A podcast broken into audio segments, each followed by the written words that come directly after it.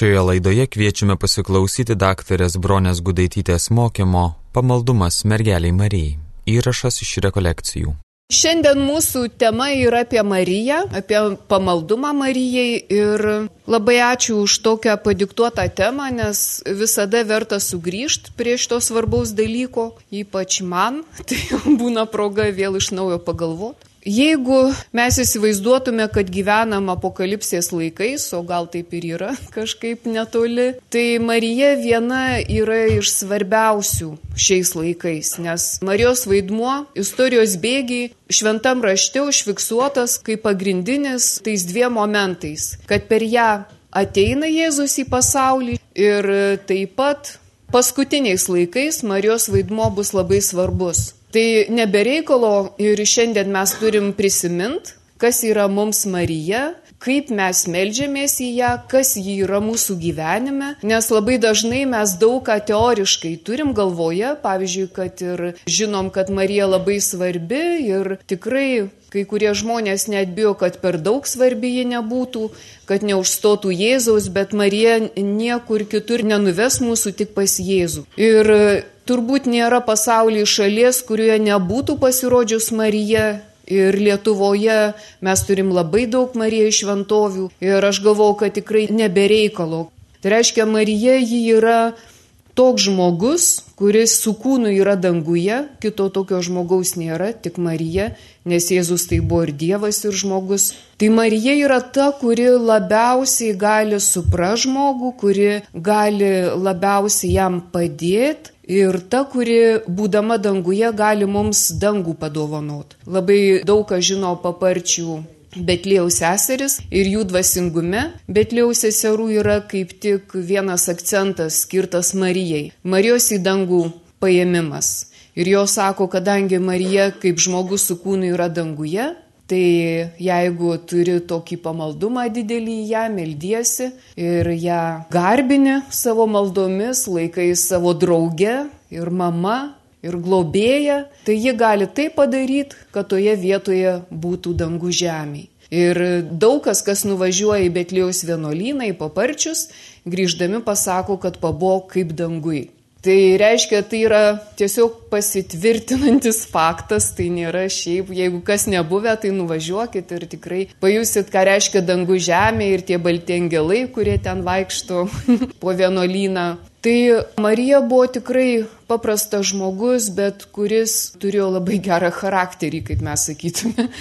Ji neprieštaravo geriausiems dalykams, Dievui sakė taip, neklausdama kodėl, kas čia turi per ją įvykti, panašiai kaip ir Nojus savo laiku. Tame pasakojime, kaip Dievas liepia pastatyti laivą, ko jis gyvenime nėra daręs, vandens nėra matęs, nes iš vis, sako, tada kitaip žemė buvo drėkinama. Ir jis nežino, kas tas lietus, kaip toj dainoj. Bet Nojus buvo paklusnus. Jisai 120 metų statė tą laivą, tai atrodytų, nu, kažkokia beprotystė. Visi žmonės turbūt ten jį išjuokė ir nežinia, kuo laikė. Tai panašiai, jeigu Marija būtų neapsaugota Dievo, tai, kažin, ar Jėzus būtų gimęs nuo jos tokio visai kitoniškumo. Nes tie žmonės, kurie yra išgydyti nuo pirmosios nuodėmės, jie yra visiškai kitokie, mums neprimtini tam tikrą prasme, per daug geri. Tai Marija yra būtent ta malonės pilnoji. Ir mes sveika Marija kažkaip esam šiek tiek nurašę šitą maldą, nes piktasis viską daro, kad tik neliktų žemėje pamaldumo Marijai. Ir mes žinom, kad ten parašyta, kad laikų pabaigoje tas piktasis į kulną stengsis jai ten įkirst ir taip toliau visai pakenkt. Tai reiškia ir tiems, kurie į ją kreipiasi, kurie nori būti jos tarnais ar vergais, Daug žmonių yra ir pasiaukojusių jai kaip vergais ir tą siūlo Grinjonas Demonforas. Čia tiesiog atsinešiau tą knygą, nes geresnės apie Mariją nesuradus. Ir šita knyga yra tokia iš dviejų dalių. Viena dalis skirta Marijai, Marijos mokyklai, o kita Jėzaus mokyklai per kryžių. Bet yra išleista ir šitos knygos traktatas apie tikrąjį pamaldumą švenčiausiai mergelį Mariją. Yra ir, ir tokia knygelė. Tai tiesiog siūlyčiau kiekvienam žmogui žmogui, kuris nebijo Marijos arba kol kas dar į savo gyvenimą nėra įsileidęs Tai perskaityti tą knygą ir tikrai tada pamatai, kad tas žmogus buvo apdovanotas, kaip koks šventas Liudvikas Marija Grinjonas Demonforas, tikrai buvo apdovanotas Marijos pamaldumu ir nežinau, ar kas geriau galėtų aprašyti, kodėl verta Mariją laikyti vienu iš svarbiausių asmenų savo gyvenime. Tai vad jis sako, kad šis pamaldumas yra būtinybė, nes per Mariją Jėzus ateina į šitą pasaulį ir per Mariją jisai ateis antrą kartą. Kitaip tariant, Marija mus paruoš tam antram ateimui. Tas antrasis ateimas turbūt yra tam tikras procesas, kada jisai vyksta, kaip sakau, jau turbūt ir dabar. Tai va, Marija yra ta geriausia pagalbininkė, kuri gali atnešti išganimą. Ir Marija Grinjonas Demonforas Jis čia šitoje knygoje, kas skaitysit, tai aprašo tokias tris vergystės rūšis. Yra, kaip jisai sako, natūrali tokia vergystė, šventa vergystė, yra prievartinė vergystė ir yra valios vergystė. Tai vad mūsų gyvenime jos visos trys yra, arba gali būti kai kurios. Tai ta pirmoji, tai jisai sako, na, natūrali, kad kiekvienas žmogus anksčiau ar vėliau pagalvos, kad ne jis savo tą gyvenimą pasidovanojo, kad yra kūrėjas, kuriam kūriniai visi tarsi vergai natūraliai, kad visi mes priklausom nuo kūrėjo. Bet tas kūrėjas mums davė laisvą valią ir leido va ten, kur mes gyvenam, susitvarkyti, kaip mes norim. Bet vis tiek tokia prigimtinė prasme mes esam tiesiogiai priklausomi nuo savo kūrėjų. Reiškia, mes galim viską sunaikinti, ką jis sukūrė, bet jo paties niekada. Ir dėl to dvasiniam keli visada svarbiausia prisirišti ne prie kažko, kas gali praeiti, bet prie paties Dievo. Kaip ir Jėzus sako, sek paskui mane, tai mes galim daryti tokias dvi didelės klaidas ir labai nusivilto sėkimu. Tai pirma klaida, jeigu mes toliau liekam susikoncentravę tik į save, Ir mes galvojam, kaip čia man patinka, nepatinka šitas sėkimas, ką jis man duoda, naudingas, nenaudingas. Tai tada mes sekam save pačius. Panašiai kaip pavyzdžiui, mes visi turim kažkokį pašaukimą gyvenime ir netgi daug pašaukimų. Esam šaukiami kažkokiu momentu ar atlikti kažkokius darbus, ar mes galvojam apie savo gyvenimo pašaukimą, bet šitoj vietoj ne kiekvienas žmogus ieško Dievo valios. Kitaip tariant, nenori išgirsti, kaip Dievas įšaukia, bet jis pats nori save pasišaukti. Jisai pats save kažkur šaukia, kažkur nuėję savo sąlygas diktuoja, kažkur jisai pats nusprendžia, ar čia tas pašaukimas įvyko ar ne. Panašiai Jėzus perspėja Evangelijoje, kai tokią dvasinę karjerą nori kažkas daryti. Kai ateina jaunuolis ir sako, kad vat, aš jau labai tobulas, ką dar man padaryti. Ir Jėzus sako, laikykis įsakymų, tai jis sako, senai aš visą tą darau. Tai Jėzus jo išklausę sako, eik parduok viską ir sek paskui mane. Ir viskas, karjera baigėsi, nes jis kitaip įsivaizdavo tą savo pašaukimą, ne taip Jėzus jį šaukė. Arba kitoj vietoj, kai Jėzus pašaukė žmogų, o jisai sako, nu, dar reikia man grįžti namo, susitvarkyti reikalus, ten atsisveikinti. Ir jisai sako, kad kas pridėjęs ranką prie arklo, dairosi atgal, neverta sekt paskui mane. Tai vad čia yra ir daugiau pavyzdžių, bet tie pavyzdžiai rodo, ką reiškia, kai pats žmogus nusisprendžia ar ne, kaip čia jis save pasišauks, į kurią vietą, į kokį vienuolyną, čia jų yra daug, gal čia geriau, gal čia dėmesio daugiau man rodo, o gal čia, kur čia yra, kaip čia toliau manim rūpinsis. Tai čia yra žmogaus bėdos. Jisai gal negirdi, kur Dievas jo šaukia kur Dievas pats jį šaukia, nes jo dėmesys į save, jis nori sekti Jėzų, Bet jisai nori sekti va taip, kaip Petras būtų pasakęs, žinai, Jėzau, viskas gerai, aš eisiu, bet žinai, aš ir žvėjys labai geras. Nu tai žvėjosiu, o kai liks laiko, aš ten paskui tave eisiu. Bet sako, ne, baigta, kas buvo nubraukta, dabar tu žmonę žvėjosi. Ir va čia yra klaida kurią, kai mes patys nusprendžiam sekti Jėzų, tai dažniausiai mes niekada nenorim savęs, savo valios, savo norų atsižadėti ir darom pirmą didelę klaidą, nes niekas nepasikeičia gyvenime. Ir dažniausiai tada va, tas Jėzaus sėkimas jis būna tik teoriškas. Mes labai dažnai kritikuojam, mes dažnai sakom, negerai ten parašyta Evangelijoje, mes Jėzui pačiam sakom, gerai Jėzu, aš tave seksiu, bet aš niekada nesėsiu į paskutinę vietą. Mes tokį nudalinį, kai mes patys sprendžiam, tai mes mes ir savo pasiliekam. Ir mano valios kažkiek turi būti. Nes man gal ne viskas patinka, kur tu čia vedi, šiek tiek eisiu, šiek tiek ne. Kitas dalykas, antra klaida, kai gerai jau, sakykim, tiek to jau palieku save, tą savo egoizmą, bet įžiūriu į tą kelią, nu ne čia veda, nu ne toks kelias, nu kur dabar, nu argi čia nuveisi kažkur tokiu keliu gerai. Ir vad kai Jėzus tam, kuris ėjo bangų paviršium, jeigu jis būtų žiūrėjęs tik į Jėzų, jisai būtų praėjęs visą laiką vandeniu, kai tik pasižiūrėjo į vandenį ir pradėjo skęsti. Tai va čia yra, kai mes žiūrim ne į Jėzų, o žiūrim į kelią ir stebimės, nu nesąmonė, nu kas čia, nu kaip čia. Tai va čia yra tos dvi klaidos - susitelkti į save arba į savęs, į visas situacijas, į aplinką, jų nepriimt ir vis tiek kažkaip tada galvot, kad tu sėki Jėzų. Ne, Jėzus sako, sek paskui mane. Tai reiškia, kai sako, aš esu kelias, tiesa ir gyvenimas, tai tik jį reikia matyti. Daugiau nieko ir jisai išves visur. Tai va dėl ko šitą papasakojau? Dėl to, kad Marija šito moko. Jis negalvoja apie save, Jis pasakė taip, jinai nepagalvojo, viskas baigta gyvenime, čia kažkokia bus per sunkių užduotis, čia aš nepakelsiu. Bet jinai iš tikrųjų ta, kuri auklėjo Jėzų, Jėzus buvo išauklėtas taip, kad sakė tik Dievo valią pildyti reikia gyvenime. Taip ir Marija, jinai turėjo tik vieną tikslą - pildyti Dievo valią. Ir vat tas pamaldumas į Mariją, kai sako, su kuo sutapsi, tuo ir pats tapsi, ta draugystė su Marija, jinai gali apsaugoti nuo šitų dviejų labai didelių klaidų, kada mes netobulėjom dvasiniam keliui, o kaip tik degraduojam ir stebimės, kodėl čia man taip gerai nesigauna, viską suprantu, daug knygų perskaičiau, visus pakoreguoju, pareguliuoju, sutvarkau, kiekvienoje aplinkoje įvedu tvarką, nu kažkas ne taip. Va ką reiškia, kad kai tu esi atsidavęs Marijai, kai Grinjonas sako, tai čia yra tavo valios vergystė. Tai reiškia, yra va ta, kaip pradėjau sakyti, natūralioji, kur visi mes be išimties, net ir netikintys, jie yra tam tikra prasme Dievo vergai, ne jie pajėgus viską apspręst, o valios vergai, tai jie gali atsiduoti, kaip Grinjonas sako, Marijai reikėtų kaip vergui pasiaukot savo valia.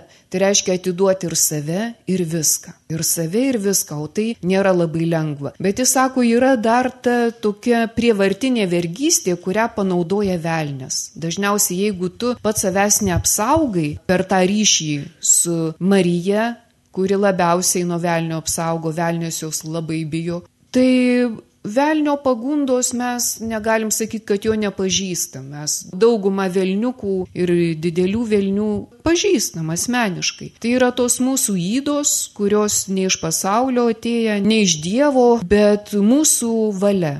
Tai vad ką reiškia, kaip galima apsaugot save, savo tą silpnąją vietą, kur mes savo valia pritarėm tiem kipšiukam, kai mus gundė ir jie mus yra įvedę į kažkokius aklygatvius, taip kaip mieste būna tokių plyta užrašyta. Taip ir mūsų viduje yra tokių lyg, dar tu ir eini, lyg ir, ir viskas čia gerai, bet ateis laikas tu prieisi eidamas kartu su ta įda aklygatvį. Ir kaip atskirti įdas nuo nuodėmių yra tikrai nesunku, kai mes einam iš pažinties tai pats nuodėm klausys atsirenka, bet jeigu mes pasakom, kad ten 50 kartų nusikeikiau, o du kartus sumelavau, tai aišku, kur čia yra įda, o kur nuodėmė. Įda tai, kur jau tu nuolat tiesiog net ne visas įdas mes savyje atpažįstam, Kartais tie, kurie kritikuoja, mums gali pagelbėti. Ir kur mato mūsų silpnas vietas, mes turėtume netmest jų kritikos, bet pagalvot, kad galbūt aš nejaučiu to, kame aš pats esu. Tai va, Marija yra būtent verta kad ją pasirink, kaip Grinjonas Demonforas sako, vietoj tos prievartinės, kad išgyti iš tos prievartinės vergystės, tai reikia savo valia pasirinkti vergystę Marijai. Ir labai daug šventųjų yra tą padarę, galbūt ne taip, kaip mes galvotume raštiškai ar ten labai iškilmingai, bet savo širdį tai tikrai. Ir labai daug šventųjų yra labai artimi Marijos draugai. Ko gero visi, nes kitaip Marija vat, yra tas greičiausias kelias prie Dievo į dangų. Ir kad mes taptume Marijos vergais, kaip Grinjonas sako, tai turėtume savo primint, kuo skiriasi vergai nuo tarnų. Tai vad pirmas tas dalykas, kad tarnas jisai, kaip ir kalbėjom, jis yra dalinai pažįstamas su savo ponu ar pone. Jisai gali tam tikrą laiko dalį tarnauti, jis gali reikalauti užmokesčio, taip kaip mes kartais Dievui sakom, va, tiek daug aš ten ir devindienius išėjau ir pirmus penktadienius, o ką tu dėl manęs padarėjai. Mes kaip tarnai atitarnaujam ir tada sakom, o kas man dabar už tai. O vergas jis nieko negali reikalauti. Jis atitarnavo, jisai padarė, ką liepė ponia ar ponas ir jisai nieko negali prašyti. Ponas į tarno gyvybę neturi jokių teisių. O į vergo turi, jis gali jį ir parduoti, ką tik tai nori, nes jis yra ir kūnų ir siela priklausomas nuo savo šeimininko. Tai Grindjonas sako, nepasilik savo jokios dalies, nebūk tik tarnas, būk vergas. Nebijok Marijai pasiaukot kaip tas vergas, kuris nori tarnauti visą savo likusį laiką, nes jis sako, niekas tavęs geriau neapsaugos kaip tas Marijos apseustas. Kaip gera žinot, kad tu visiškai priklausai tai poniai, kuriai viską atidavėjai. Ir visada galėsi, aišku, nuolankiai dar kartą paprašyti, kur tau labai skaudu arba kažko nesupranti, bet tu žinai, kad nėra tau taip baisu, nes tu žinai, kad ji viską už tave geriau žino. Kad ji yra tas žmogus, kuris tobulai pažįsta ir mano silpnybės, ir mano blogybės. Ir vad, kai sako, kai tu nepaėgi nugalėti savo egoizmo, tu jį paukok Marijai. Jeigu tu negali kažko savy nugalėti, tu atiduok iš karto Marijai. Ir Marija yra va ta, kuri tau padės keistis. Nes Grinjonas sako, pirmas dalykas, jeigu jau tu turi troškimą tapti Marijos vergu ar verge, tai turėsi pažinti save. Tai va tas Jėzaus sėkime tu turi patikrinti, kiek tavo žvilgsnis vis dar sukasi tik apie tave, kiek tu matai tik save, kokia yra va, tavo santykiuose pozicija, ar jinai reikalaujanti iš Dievo, iš žmonių, ar ji yra tokia kaip Marijos. Ar tu daugiau kalbė, ar tu daugiau klausai. Tai va tada, kai tu tikrai nori, kad tavo gyvenime atsirastų šita pone, tu turi pažint, kaip Grindjonas sako, tą savo prastą vidinį pamatą. Ta pamatą, kuris tau trukdo sekti Jėzų. Ir va čia kaip tik ir noriu surasti tą vietą, nes čia labai gražiai jisai aprašęs, kaip mes atrodom iš vidaus. Atsako tada, sako, pirmas dalykas, kad tu pažinsi savo nepajėgumą, kaip ir Paulius. Labai panašiai. Pažinsi savo nepajėgumą bet kokiam gėriui savo silpnumą, savo nepastovumą, savo neteisumą, savo tokią veidmainystę, nenuoširdumą. Ir jis sako, mūsų kūnai sugedę. Ir va tada šventoji dvasia, kurios pilna Marija, jinai apšvies tavo sielą ir tau parodys tavo va tą tvartelį, kur tu nori, kad gimtų Jėzus. Ir sako, mūsų kūnai yra nuodėmės kūnai. Mes maitinamės nuodėmėmis. Ir mes sergam daugybę lygų. Ir per mus plinta niežai, kirmelės ir visoks sugėdimas, kaip ir Jėzus sakė, ne kas į tave eina, bet kas iš tavęs išeina, tas ir tave patį suteršia. Ir jis sako, pastebim, kad mes galime dalintis tik puikybė ir dvasios aklumu, tik širdies kietumu, sielos silpnumu, nepastovumu, gašlumu, sukilusiomis aistromis ir kūno lygomis.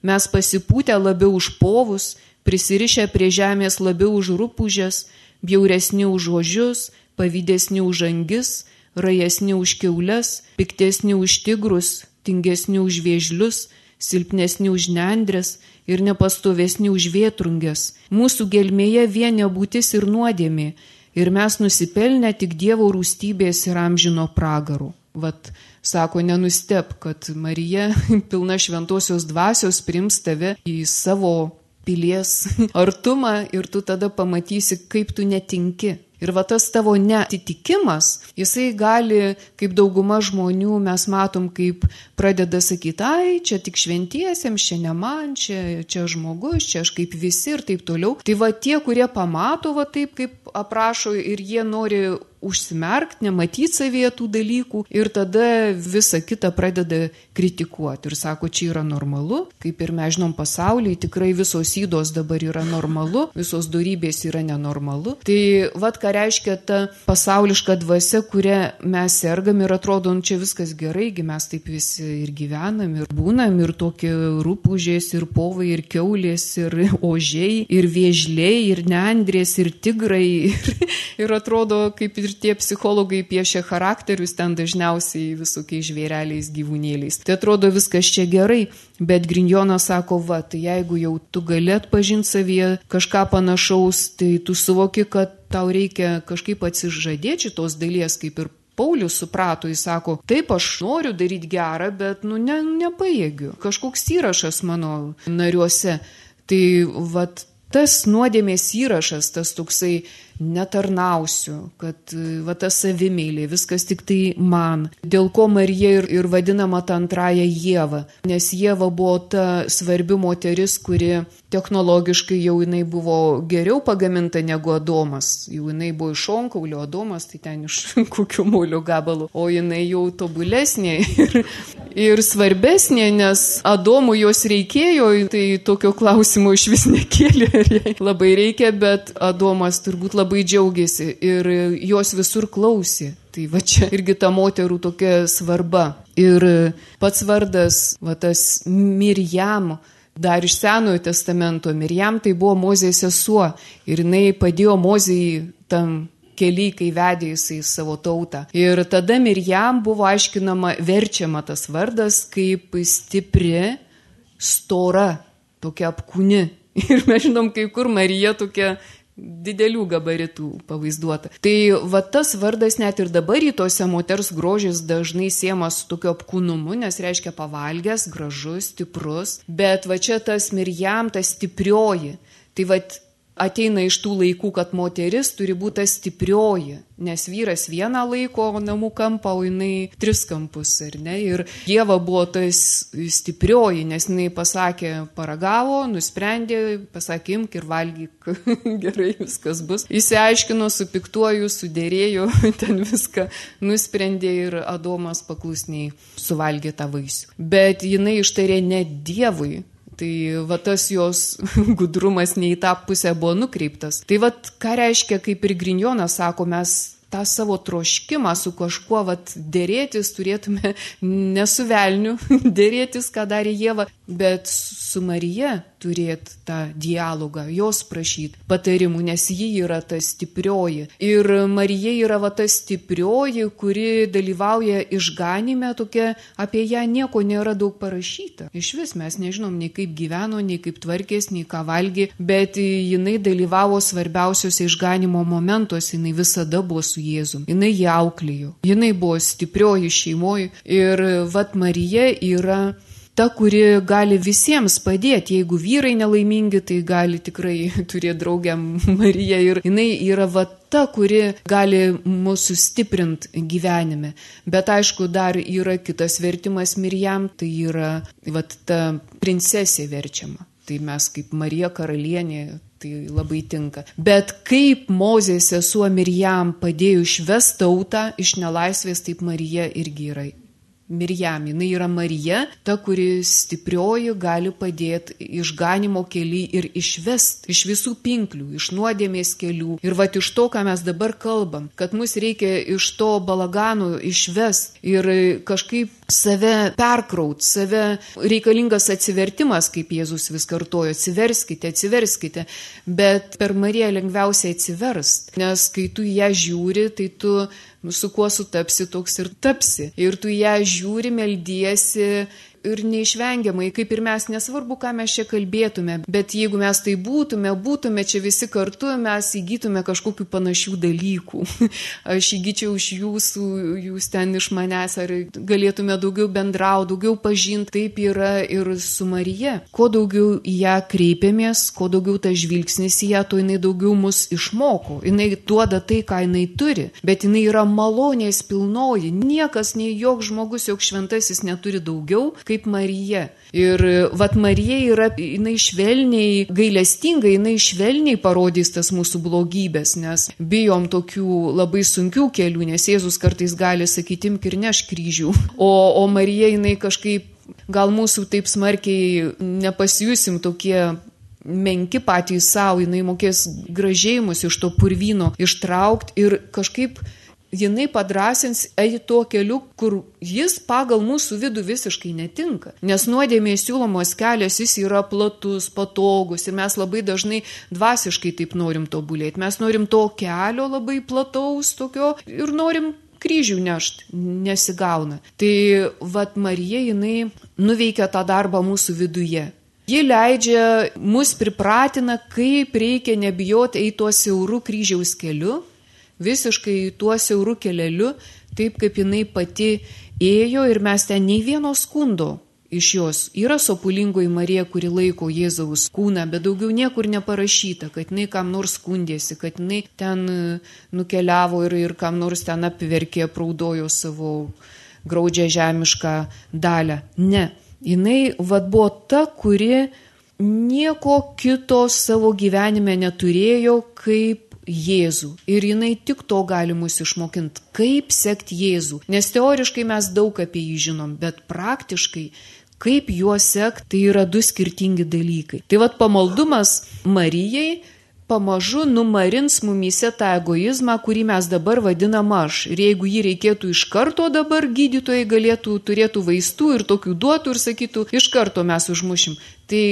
mes neatsikeltume mes neturėtume gyvybės. Mus taip reikia kažkaip atgaivinti, mažinti vieną dalį, bet stiprinti tą grinąją dalį, kuri yra nusilpus dėl to egoizmo. Ir dėl to va čia yra tas kaip ir Paulius, jisai nebuvo matęs Jėzaus. Jis aišku, krikščionius gaudė, uždarinėjo kalėjimą, bet jis pats nėra matęs Jėzaus. Bet Jėzus jam pasakė, čia aš esu tas, dėl kurio tu persekioji.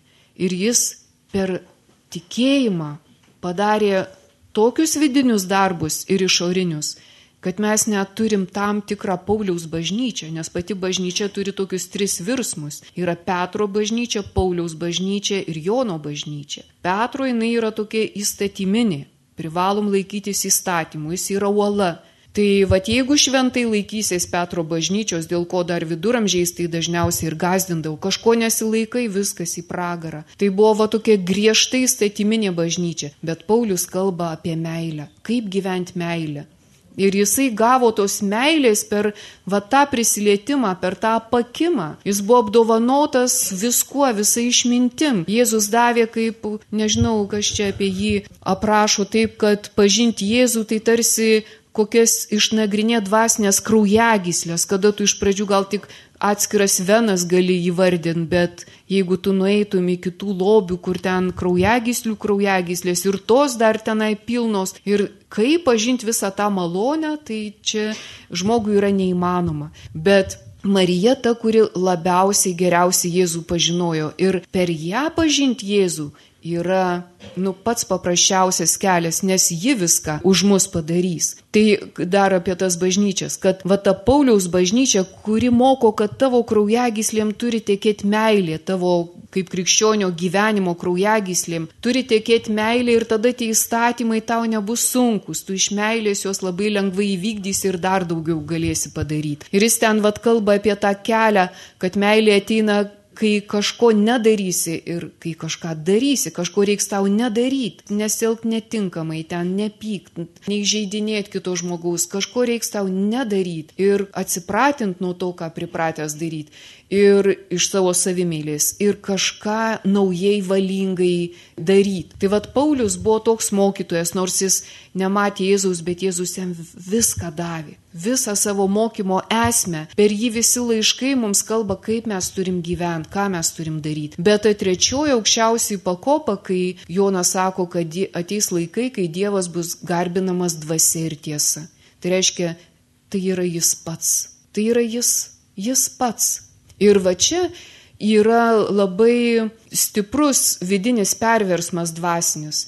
Nes kai Paulius pasako, jau nebe aš gyvenu, Kristus manie, tai jis jau eina į tą paskutinį virsmą. Ir tada jis pasako, nežinau, kaip čia su kūnu, be kūno buvau pakeltas į ten kažkelintą dangų. Tai čia va yra visi Pauliaus aprašyti tie virsmai, kurie ir bažnyčioje, ir mūsų sielui vyksta. Ir taip pat sekant Jėzų, lygiai kaip, pavyzdžiui, tas egoizmas nori klausyti savo įstatymo. O Pauliaus bažnyčioje sako, ne, klausyk dešimt Dievo įsakymų, bažnyčios įsakymų, daryk septynis ten darbus kūnui ir sielai ir to užteks kad tu būtum išganytas. Tai va čia negyvenk egoizmo, neklausyk jo įstatymų ir to užteks. Numarink savo stipriąją egoistinę dalį ir tu pamatysi, koks tu esi kitoks. Bet čia kalbam apie tą kūną, kur bažnyčia kaip kūnas irgi laikosi ant tų įstatymo kraujagyslių. O Paulius kalba apie tą kraują, kuris teka. Tai reiškia, kaip ir mes sakom, sekti Jėzų reikia eiti keliu, reikia vat, kažkokiu būdu ten eiti. Ir jis sako,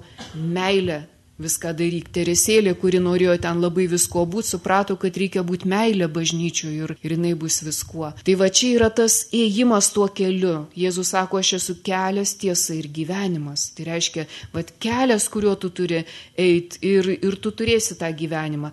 Bet va kas yra tas trečias, tai yra jis pats. Jis, kuris yra gyvenimas, kuris yra tiesa. Ir va čia Dievas bus garbinamas dvasia ir tiesa.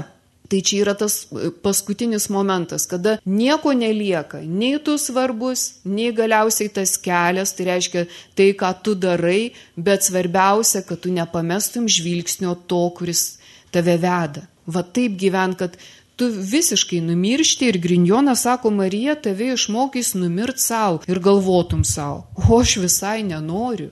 Taip kaip Petras sakytų, o aš noriu žvėjo toliau, aš geras žvėjys. Bet jis niekada nebūtų tapęs tuo žmonių žvėjų. Ir jam reikėjo labai pasikeisti. Ir kai matom, jis tris kartus išsižadėjo Jėzaus, jis tris kartus vėliau, kai Jėzus prisikėlė, buvo paklaustas Petrai ir myli mane. Tris kart klausė, lyg kaip mes va čia visur kalbam, yra trys kažkokie va tokie svarbus dalykai, kuriuos tu turi praeiti. Ir va ta Jono bažnyčia tarsi yra va ta paskutinių laikų, kai Raneris sakė, ateities tikintysis turės būti mystikas arba iš vis jo nebus. Tai kas tas mystikas? Va tas, kuris patyrė, kuris tampa tą pačią dvasę, Dievo dvasę jame. Ir tik ta dvasė, ta Dievo dvasė gali Dievą pagarbinti. Ir tik pats Dievas yra tiesa, ne mūsų galvojimas, ne mūsų, kaip pradžioj sakiau, tas pasišaukimas, kaip aš norėčiau tarnauti, kaip čia norėčiau eiti, ar nenorėčiau, ar šiandien eisiu, rytą eisiu. Tai vad ką reiškia, kai tavyje šita dalis praranda tą gyvybę, jinai jau tavęs nemaitina. Labai įdomu, kad nepamirščiau, tai pats Grindjonas, kada jisai kalba apie pamaldumą Mariją ir sako, jeigu tu įsikrėsi šitą lygą, kuriai jisai serga, noru tikrai visada draugauti su Marija ir jis sako, tu ieškosi būdų ar ne pamaldumo. Ir visokių jų yra, sako, gal tu nu, ten galima įsirašyti kokį Marijos legioną, kai mes galvojam, gal į rožinio būrelį, dar kažkur galima. Įvairiausių yra variantų, kaip dabar melstis į Mariją. Bet jisai sako, kai tu visus apgalvosi, tai tu pasirink tą, kuris tau mažiausiai patiks. Va tą, kuriam tu atrodo būsi nepasiruošęs. Pavyzdžiui, pasakysi kalbėti keturias dalis rožinio. Oi, ką jūs man dešimt sveika Marija problemą atkalbėti, sakytų ne. Tai va sakytų Grindjonas, tai viskas aišku. Tai nuo šiandien keturias dalis kalbi ir, ir baigti. Kai jis sako, pasirink va tą, kuris iš karto jį atmeti ir pasakai, nu jau šitas tai ne, ten galiu, va ten įsirašyti, kur nors priklausyti ir taip toliau. Ir jisai sako, dažniausiai tai tie, kurie nori įsisukinėti, pasirenka tokius įsirašymus, nes atrodo, aš jau įsirašiau ir visko jau padaryta. Jau ten mano vardas įrašytas, nieko man nereikia daryti. O va tas keturias dalis rožinio aš privalėsiu atkalbėti ir baisu, ar ne? Bet jeigu vieną atkalbį nieko neatsitiko, tai antrą atkalbės irgi žiūrėk ir trečią tada. O jeigu tris, tai kaip čia tos ketvirtos, tokios gražios, šviesos liepinių, padėkos intencija ir atkalbi. Taip, kad čia nieko nėra baisaus, kai sėdam prie televizijos, tai ten du kart po keturias dalis ar tris kart tiek, kad kalbėtume ir nei nejaučiam. O jeigu ramiai užsidėgiai žvakę atsisėdai, tai kažkokia prasideda egzistencinė neviltis, tai ką dabar čia, net švininės rankos, tai jau dabar žegnotis ir čia tas keturias dalis varyt. Bet but ir atrodo kažkokia beprasmė, čia sveika Marija, sveika Marija, kas čia iš to. Bet e, žinokit, kas pasiryžo stebuklai gyvenime įvyksta. Tai čia ne vieno žmogaus liūdėjimas. Bet melstis tikrai labai sunku. Atrodo, kažkas tave daro švininį, kažkas tau sako, ne, čia nesąmonė, čia nereikia. Kam to reikia? Siesk, labai gražus serialas eina irgi labai geras apie gėrį, tikrai. Ir, ir va ten kiek pasiteisinimų visokiausių ir galvoja, ai čia labai noriu valgyti, tai kai žiūrėsiu televizorių, tai valgyti galima, o kai melstis, tai čia nepav... Tai čia va kol pavalgysiu, tai pasižiūrėsiu. Ir paskui jau žiūrėk, kad jau jėgų nėra, jau vakaras, reikia eiti miegoti ir, ir neatsimelsta. Bet noriu pasakyti taip, kad tikrai, ką Marijos atžvilgiu be pasirinktume, demonai bus labai, kai Grinjonas sako, miklus vagys. Jie tave prižiūrės, jie tau irgi norės kirsti kulną, jie tau netleis. Aš galvoju, kai aš minti melžiuosi, tai aš nežinau, kartais kiek aš čia pasimeldžiau, galvoju, reikia, nu taip, melstis e, tiesiog lūpom, nu taip, kad liežuviu, kad aš jausčiau, kad sakau sveika Marija malonės pilna. Ir žinokit, kai aš tą pagalvojau, aš taip nusideginau liežuvį, kad aš negalėjau iš vis prisilies prie gomų ir pagalvojau, tik tokia mintis buvo, kad aš taip melsiuos, nes kai tim atrodo, aš per greitai ten varau, tas sveika Marija galvo reikia taip va jum, kad savo tyliai kalbėčiau. Tai demonai yra miklus vagys, jie sukinėjasi, kaip jis sako, dieną naktį tyko palankios akimirkos, norėdami jūs praryti. Ir per vieną akimirką jie tai padarys, užklupę tave va tą silpnumo. Akimirką jie tave apvoks. Ir galėsit e, suskaičiuoti, kiek kartų jums nepasisekė kai pasiryši, tai per savaitę gal tris dienas atkalbėsi, to keturias jums nepasiseks. Ir ką daryti? Ar tada viską mest? Grinjonas sako ne. Ir tie, kurie tikrai nu, atsiduoda Marijai kaip, kaip vergai, jie atiduoda tas vadžias Marijai, Ir sako, kad ir kaip man būtų sunku, kai yra toks pasakojimas, kur vienas pasiryžo viską daryti, ką Dievas lieps, viską, viską, tik išgelbėk Dievę mane, tik aš viską, viską padarysiu, Dievas sako gerai. Tai dabar sako, paleis tą šaką, ant kurios kabai. ir sako, nu jau ne. Tai va čia, va, kas yra, nu jau ne. Ir nepaleisiu. Va taip, jo, yra su mumi, taip atrodo, wow, kaip gerai, tikrai čia senai reikėjo viską marėti duoti, bet bus tas pats, kad pagalvosi viską, kaip viską, tai kaip čia yra tokių dalykų svarbių, kur aš negaliu jų paleisti. Kaip tą šaką, sako Dievas, tai gerai tada, paleist tą šaką ir išgelbės. Tai va čia yra tokios pagundos, visada piktasis gundys, kad tu gali tarsi daugiau ar geriau ir tada tave atgal nuves ten į tą papėdę. Tai Vat kas yra, kad nenusivilk, jeigu tau ir nesiseka, kaip pasakysi, ai čia pabandžiau, čia, nu ir kas, ir pasimeldžiau čia porą dienų, nu ir kas čia pasidarė, nu nieko dar blogiau būčiau, va to nepadariau, anu galėjau per tą laiką ten dar kažkas. Tai va čia yra tie gundimai, kada mus išgazdina mūsų pačių silpnumu.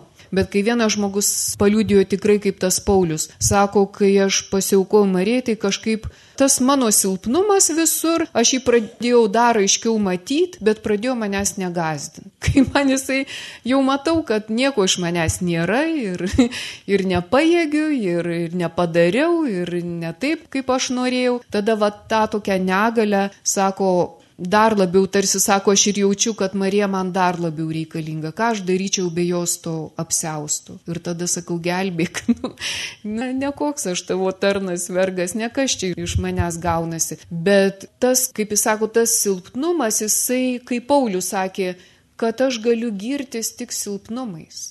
Bet jis jau kalba apie tai, kad neslėp, nebijot, nevaidint ten, bet girtis. Vad girtis tuo, kad, nu tikrai, ir šitoj vietoj silpna, ir nepastovi, ir neištverminga. Ir tu pradedi matyti savo vertę tą tikrąją. Ir tu matai, kad ir va čia tas mano egoizmas labai stiprus, ir čia. Bet tu kažkaip pradedi nešti save, va tą savo silpnumą, kaip tą savo kryžių. Ir tikrai tu matai, kad ne kas iš ko tas kryžius padarytas, ten tavo kryžius. Ten yra tavo silpnumų, tų visų blogybių, iš kurių tu nori išsivaduoti ir jį numarint. Ir va jį, kai numarini, tada jisai tampa ne tuo gyvu, kur sunkiai iš tavęs, bet tuo kryžium, kurį tu neši kurį tu kantriai neši ir žinai, kad ir toliau tu visą gyvenimą jį neši, bet tu kitaip neši. Vat kas yra, kai šalia yra Marija, kai tu nebijai kryžiaus, kur čia toliau kalbės, koks jis yra svarbu ir tas, matai, tas kryžius, mes apie jį dažnai nepagalvojam ir galvom situacijos kryžius, žmonės kryžius, va, ten tas žmogus man kryžius. Ne, iš tikrųjų tai čia yra kryžius mūsų dalis, nešam save. Ir tai, kas yra manyje, tai, kas yra mano jausmuose, mintyse, tu matai, kad tai yra kryžius, kurį tu turi kantriai nešt ir kad tau tu niekada netapsi, kaip čia pasakyti, kaip Dievas. Tas egoizmas visada kartuoja, kad tu jau beveik kaip Dievas. Bet tu žinai, kad ne, tu esi žmogus, tu esi silpnas, tu esi kaip Jėva išvarė iš rojaus, tai reiškia yra rojaus ilgesys. Bet Adomas su Jėva jau gyvena žemėje kur yra vargas, darbas, prakaitas, nežinia. Taip ir mus dengia tie debesys jau norojaus, kur apie va, kaip tik kryžiaus Jono yra diena. Ir jis kalbėjo apie tamsę kūno naktį, tamsę dvasios naktį. Tai yra tie debesys. Bet tie debesys yra todėl, kad mes akli Dievui, akli šviesai. Ir vat, juos tu turi priimti, juos tada įveiksi, kaip tu būsi tam debesį ir kai Dievas norės, tai tave išves, apsaugos, bet savo jėgo mes nepajėgus to padaryti. Tai vad Marija yra ta, kuri geriausiai gali pagelbėti, jinai taip veržės visur, į visas ten, nežinau, miestų, šalis, tautas, kad tik arčiau žmogaus kad jinai galėtų padėti tiem žmonėm, kurie yra va ten, kurie galėtų jiems suprantamų būdų kreiptis, ją matyti, ją priimti tokią, kaip tam krašte jinai priimtina. Tai ji mus mato kitaip, ji mus mato už tų debesų, kaip mes atrodom čia, o mes matom tik juodus debesis. Ir va, kur yra ta knyga nežinojimo debesis, tai ten labai tas autorius nežinomas, nežinoma ta jo pavardė, bet jis labai gerai moko, kad sako, va, kai žmogus dar kažkas kažkaip tą savo jėgą, savo pasišaukimu jis kaip nors įveikia tuos jūslinius dalykus savyje, ten save sutramdo, šiek tiek disciplinos, ten asketizmų gyvenime,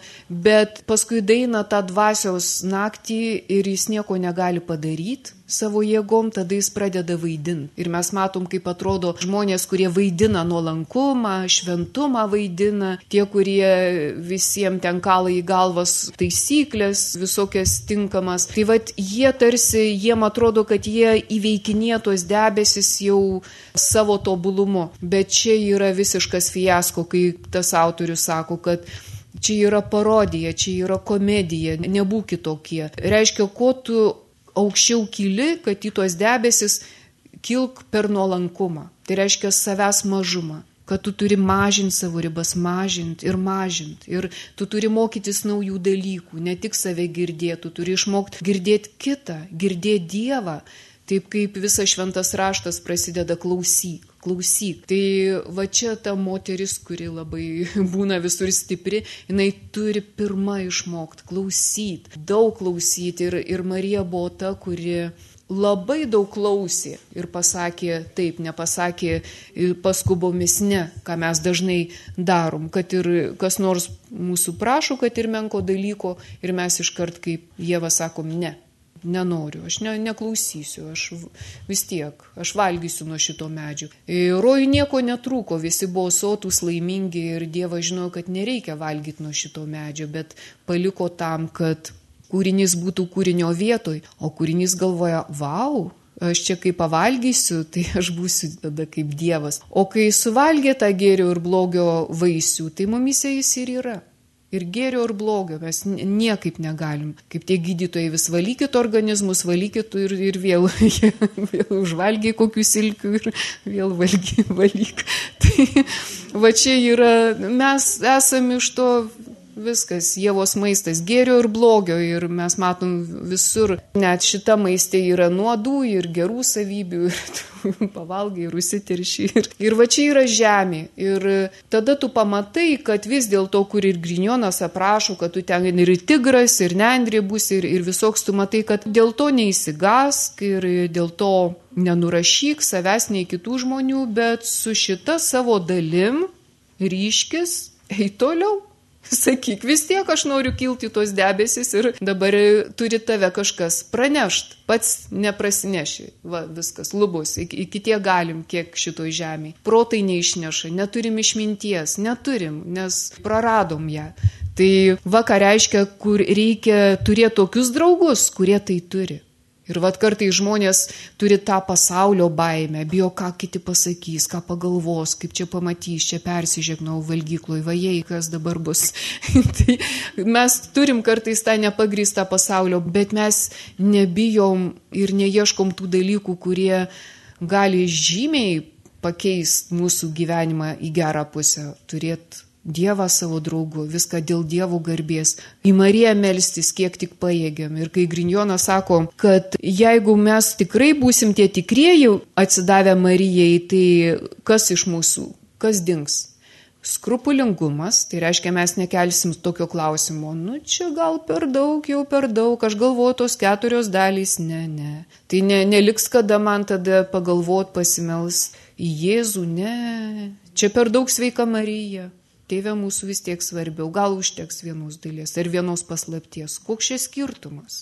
tai va jisai sako, kad tie, kurie nėra tikrai atsidavę Marijai, jie dažnai labai skrupulingai svarsto, kad tik nebūtų per daug į Marijos pusę, kad tik ir jis sako, nebijokit, ne, nebus čia nieko per daug. Kita klaida tai va tie tokie kritiškieji, kad visada tu taip sakai, nu gerai, ta Marija yra Jėzaus motina, bet visko abejot. O kas ten žino, pasirodė, nepasirodė, o kas ten tos vaikelius gali patikrinti. O gal jie ten prisigalvojo ir jis sako, per didelė tokia kritika, kurią tu irgi tarsi apsidraudi, kad ne, ne, aš laikysiuos ant savo šitos šakos, kur aš dabar sėdžiu dar kol kas stipriai ir čia niekas nežino. Ir kiti apsidraudžia tokie, nu gal čia ir geras dalykas, bet daugiau tokiom išoriniam praktikom. Nu, yra tas e, Marijos legion, tiek to nueisiu ir tiek užrašau. Nu ką, nu pasėdėsiu ten nieko blogo. Tai, vad sako, toks, nu, apsidraudžia. Ir yra tokie išpuikę, kurie į kur nors įsirašo ir tada galvoja, ai, darau, ką noriu, ašgi silpnas žmogus. Čia, žodžiu, vis tiek Marija mane apgins. Tai sako, būkit nuo širdus, nebūkit tie tokie dviveidžiai, negalvokit, kad tu kaukės gali užsidėti prieš Mariją ar prieš Dievą. Niekada. Tai va, reikalingas tas nuoširdumas reiškia pati logika čia mažai padės, nes kai tu pradėsi svarstyti, tai dažniausiai bus kaip jievai, kad gali prie tavęs tas devingalvis libinas tau padiktuoti daugybę tokių dalykų, kurie tave sustabdys. Bet e, Grinjonas sako, Klausyk širdies, kaip ir Paskalė sakė, kad tą proto logiką nukelk į širdį. Tu pažiūrėk, ką širdis sako, kad širdyje yra va tas atsakymas, kad tikrasis pamaldumas yra širdies, jis yra nuoširdus, jis yra vidinis. Tau nereiks gal niekam demonstruoti, gal nereikės ieškoti ant vietos nei laiko, kada man pasiaukot, pabandyk vieną dieną pagyventi su Marija, paprašyti jos pagalbos arba kažką jai padovanot. Mes labai prašom Dievo, kad jis mums dovanotų ir sveikatą, ir ten sėkmę, ir visa kita, bet Teresėlė pastebėjo, kad žmonės per mažai džiaugsmo nori suteikti pačiam. Dievui, kad reikia juos pradžiuginti. Tai galim ir lygiai taip sakyti, kad ir Marija tiek daug daro dėl žmonių, nu kodėl nebūt man kažkuo tokiu, kuris galbūt ją pradžiugintų, dėl jos kažką padarytų ar kažkokią auką, ar, ar kažkokią vat maldą, grinai ne tam, kad savo išmelščiau daugiau kažko, bet vat tam, kad tikrai galbūt įkartočiau ten valandą ir kiek laiko sveika Marija ir tegul būna jai garbė, tegul ta malda padeda kažkam, kaip tie Tono kalno vienuoliai irgi atrodytų, koks beprasmis dalykas, nes čia sakytų, nu, nu kažkokia, va, čia niekam nepasigirsi pasaulyje, niekam, kad tu čia po keturias dalis meldies. nu, nesąmonė, bet Atono kalnė žmonės ten visą gyvenimą paukoja, kad jie netrūkstamą maldą kalbėtų ir, ir atrodytų iš vis nesąmonė. Kažkur užlipo aukščiausią kalną, prisiklyjavo, nežinia, kuo ten gyvena vien tam, kad šnapždėtų tą maldą. Bet kai jie sako, kol ta malda gyvos, pasaulis irgi turės jėgų. Tai va turi būti blogio atsvara. Kai mes žinom, kad Dievas nesukūrė blogio, bet jis atsiranda per mūsų valią. Vadinasi, per mūsų valią reikia ir įveikti blogį, jį reikia išpirkti per savo valią. Ir Grinjonas sako, vad, būk ta geroji valia, kuri nori padėti Marijai gelbėti pasaulį Ir būk ta gera valia, kuri prisideda prie to gelbėjimo akcijos, nes Marija tik tą ir daro. Įkuria Marijos radijus, kur tik gali, ten prikviečia žmonės, ten duoda supratimą, ką daryti, kaip daryti, kad patys žmonės to nesuorganizuotų be jos pagalbos. Tai vad padėti ir tai pagalvoti, taip, Pasaulio akimis tai yra beprasmis dalykas. Kartu ten gal nepilnai valandą ir, ir kiek kas greičiau, kas lėčiau šitą maldą, bet o kodėl visi prasmingi dalykai yra beprasmiai? Tai reiškia tie, kurių pasaulis iš vis nevertina. O tai, ką vertina pasaulis, va jie nieko gero nepadaro, jie negelbsti pasaulio. Tai pasaulį reikia gelbėti ne pasauliškai, kažkaip visai kitaip to, ko net pats pasaulis tarsi naikina, nes jis yra susirgęs, tie nuodai naikina gerus dalykus. Ir tada matai, o kas už maldą gali būti geriau, kaip didžioji Teresė sakė, žmogus, kuris nesimeldžia į savo nelinki gerų. Tai vad kaip kitaip tą pasaulį gali išgelbėti. Kad visos šitos paskaitos tai mums yra nu, širdžiai eliksyras, nes mes visi tokie patys. Bet jie niekur. Tos paskaitos tai yra tik, ne, nežinau, toksai paskatinimas, toks vyno dvasinio pagėrimas, kad jo, tikrai ieškokim džiaugsmo kitaip negu pasaulis ieško, kad darykim tuos dalykus, kurie atrodo pasauliu neprasmingi, bet Dievas kalba apie tuos dalykus, tai Vat, kai kalbėjom išmalda, malda, pasninkas visokių rūšių, pasaulis nevertina. Ir vat, tai net ir atsakymas, ko pasaulis nevertina, drąsiai rinkis. Kaip Grinjonas sako, tas pamaldumas, kurį iš karto atmeti, viskas, čia yra tavo kelias. Tai va, tai jo yra toks patarimas, kad nebijoti, išbandyti šitą pamaldumą Marijai ir čia jis toliau aprašo ten visai kitaip, dėl ko verta, bet šiandien gal kas įsigysit, sakė, dar yra, aš tą knygą iš vis už kokius 3 eurus turbūt nusipirkau, nes sakau, kas su Marija susieta, neturi verties pasaulyje. Čia beveik uždyka jas mėtė į visas pusės, bet čia ir tikrai auksinė knyga. Tai nebijokim, kas Gal kas turit namuose, dar kartą paskaitykit, nes auksinė knyga vadinasi, auksinė knyga arba dar plonesnė, kur viena dalis knygos, tai vadinasi apie tikrąjį pamaldumą švenčiausiai mergeliai Marijai. Taip, kažkaip panašiai apie tikrąjį pamaldumą šventai mergeliai Marijai, ar kaip ten tiksliai negaliu pasakyti, tai ten bus ta dalis, kuri skirta Marijai. O auksiniai knygoje yra ir Jėzaus mokykla. Nes tai, ką mes kalbam, tas pamaldumas Marijai, tas dvasinis pasivedimas, ta vėgystė vidinė, tai reiškia, kad tu įstoji Marijos mokyklą. Ir Marija pamažu nuo pirmos klasės nelieps tau iškart egzaminų laikyti, tave ves. Ir va tie, kurie bent kiek ištveria, tiesiog pasiryšta ir dėl ko Grinjonas sako, kad čia valingas darbas, čia ne, ne kažkoks protu, bet čia valia pasiryšk ir tada, kai eisi, tai pamatysi tuos vaisius ir būk atidus, nes velnės tave nepaleis tavęs iš akiračio. Niekada, nes labai nemėgsta tokių žmonių. Šioje laidoje klausėmės daktarės Bronės Gudaitytės mokymo Pamaldumas mergeliai Marijai. Įrašas iš rekolekcijų. Likite su Marijos radiju.